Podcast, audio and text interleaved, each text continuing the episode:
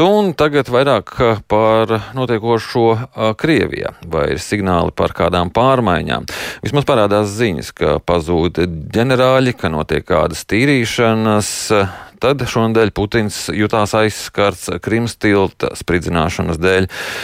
Tam sekoja tāda kā atriebība. Un par to visu tad runāsim ar ārpolitikas institūta direktoru, Eiropas studiju fakultātes docentu Kārli Bukovski. Labrīt! Labrīt, es atvainojos, es nebiju pieslēdzis mikrofonu. Labrīt, vēlreiz. Labrīt, labrīt.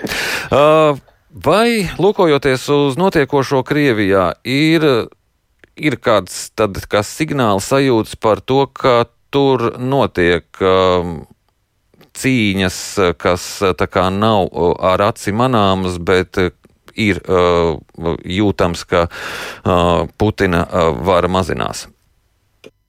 Nu, tas, ko mēs, tas, ko mēs noteikti redzam Krievijas iekšienē šobrīd, ir uh, tīrīšanas, nu, Putina tīrīšanas, uh, jo Prigožina, Prigožina dumpis 23. un 24. jūnijā, protams, uh, daudzos, daudzos gadījumos parādīja, kur ir efektivitātes, kur ir iztrūkumi, kur ir Uh, kur ir nelojalitātes. Tāpēc šī gadījumā šīs brīdis, kas bija hausa brīdis, ļoti labi ļāva uh, Putinam saskatīt um, tos, tos elementus, kas ir, uh, kas ir likvidējami, šajā gadījumā vai nu fiziski likvidējami, vai arestējami, nu, vai aizvācam, aizvācam no amatiem. Ja, nu, protams, ka tajā brīdī bija gan gadījumi, kad nevēlējās rīkoties uh, pret, pret, pret Prigožinu dumpi, uh, gan, gan armijā, gan citās drošības struktūrās atsevišķi kadri, uh, gan arī, gan arī, protams, bija tādi, kas kuru, kuru spējas un kapacitātes pildīt savus uh, uzdevumus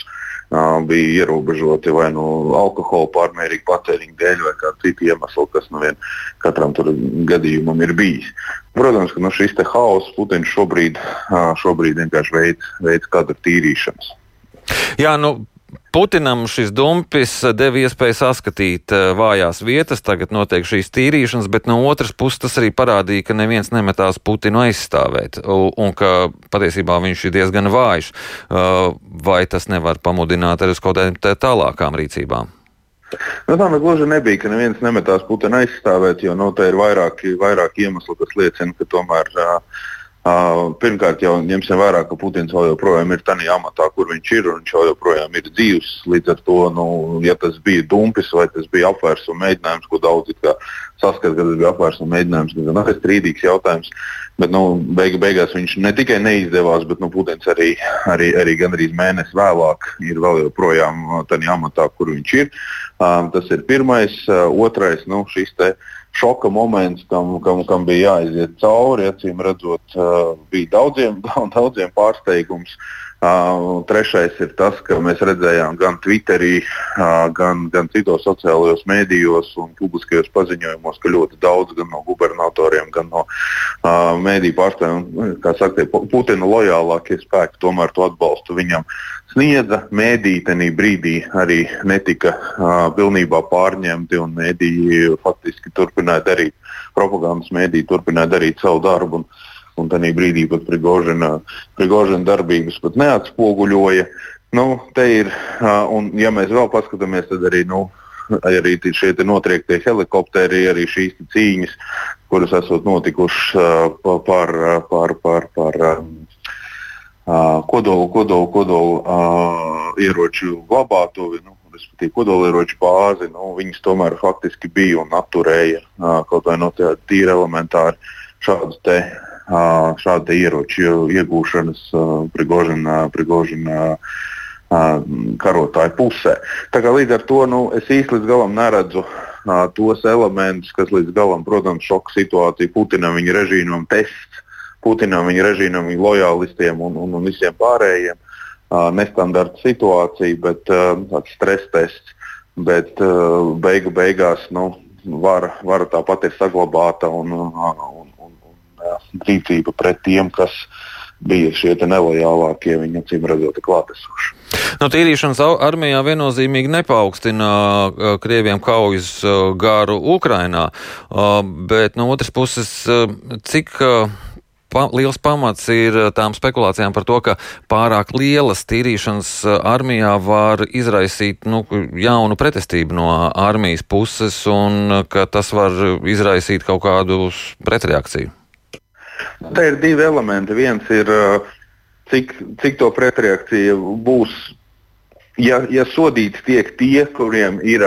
Um, kuri tiek uzskatīti par prasmīgiem vadītājiem armijas iekšienē, tad šajā gadījumā, protams, šis varētu potenciāli izraisīt kādu, kādu, kādu, kādu pretreakciju. Bet nu, šobrīd jau noteikti, ka iekšējie drošības spēki jau būs daudz gatavāki šādiem potenciāliem scenārijiem un vēros uzmanīgāk.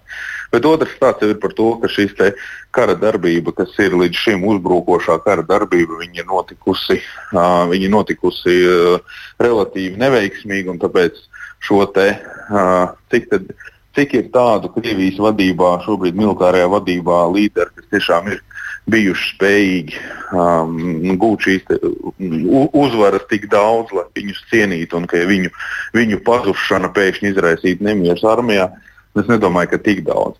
Tajā pašā laikā, ja mēs paskatāmies uz Krievijas armijas šā brīža veiktajām uh, aizsardzības darbībām pret uh, Ukraiņas pretuzbrukumu, nu, tad viņas ir jau relatīvi uh, veiksmīgas. Ja skatās no šīs situācijas, nu, diemžēl viņas ir, viņas ir bijušas veiksmīgas. Un tāpēc rezultātā mums ir jāņem vērā, ka te, šīs te tīrīšanas armijas ietvaros nu, uh, Nu, jautājums ir par konkrētām personālajām, kurām ir īpašas simpātijas, bet nu, tādas mēs šobrīd neesam, neesam līdz galam redzējuši, un viņas nav īsti līdz galam uh, parādījušās. Acīm redzot, arī pie uh, taktiski pareizas rīcības, arī uh, pret tādiem netiks, nenotiks vēršanās, un ka faktiski šīs tīrīšanas var ļaut labākiem kadriem uh, pacelties virspusē, spējīgākiem kadriem pacelties virspusē. Nu, ja kaut kur uh, Krievijas armijai ir izdevies uh, veiksmīgi mm, pasargāties no Ukrainas uzbrukuma, tad tas nav izdevies attiecībā uz Krīmas tiltu, kuru saspridzināja un arī aizvadītā naktī ir bijušas trauksmes sirēnas par iespējamu jaunu uzbrukumu. Cik lielā mērā šis uzbrukums Krīmas tiltam ir saniknojis Putinu? Nu, šī nav pirmā reize, kad šis uzbrukums Krimas tiltam sanika no Putina. Nu, mēs atceramies arī iepriekš viņa dzimšanas dienā šo spridzināšanu. spridzināšanu tas, tas arī kam rezultātā bija pastiprināts raķešu, raķešu apšaudes tai pašai, tai pašai Ukraiņas galvaspilsētai. Šīs ir lietas, kas, um, kas, kas, kas Ukrāņiem ir jāņem vērā. Tikai tāpēc, ka nu, Krimas tilts, protams, ir ļoti daudzos gadījumos, viņam ir simboliskā uh, vērtību priekšproša Putina.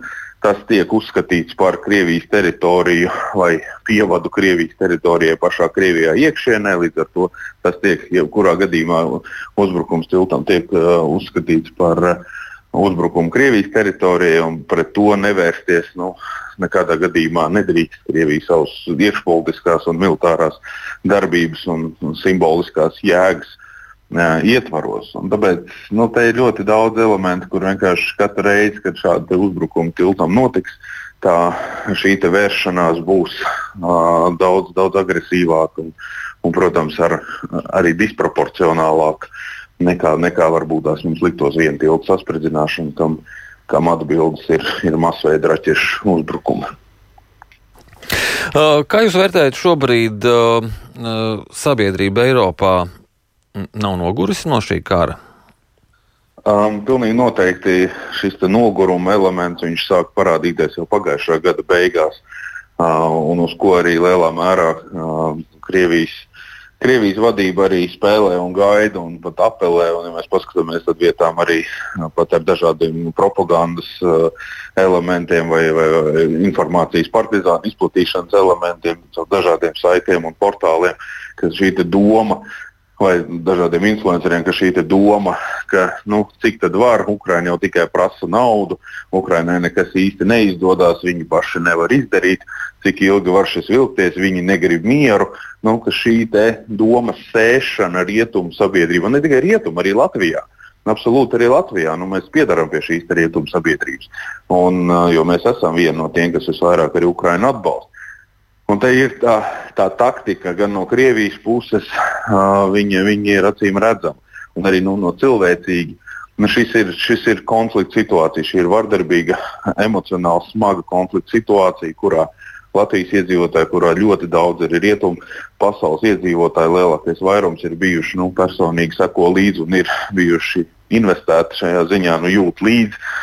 Nu, ilgstoši šāda konflikta uh, klātesamība ikdienas uh, mēdīju ritmā, ikdienas mēdīju dzīvē, ko vēro cilvēki, ko viņu katra cilvēka dzīvē, nu, tas, ir, tas ir smagi. Līdz ar to vienā brīdī cilvēcīgi jau negribi vairs dzirdēt par to kāru. Un tas ir tas, uz ko, protams, ka Krievija ļoti labi apzinās, ka šis nogurums, šis psiholoģiskais smagums, kuru uh, līdzjutēji, Ukraiņas līdzjutēji uh, nes līdzi, ka viņš, ka viņš kļūs tik smags, ka vienā brīdī viņi kā minimums pārstās sekot līdzi tik uzmanīgi uh, notiekošajam un just līdzi tik, tik uzmanīgi tam, kas notiek kas notiek mm. Ukrajinā. Jā, liels paldies par šo sarunu. Mēs sazinājāmies ar ārpolitikas institūta direktoru uh, Kārli Bukovski.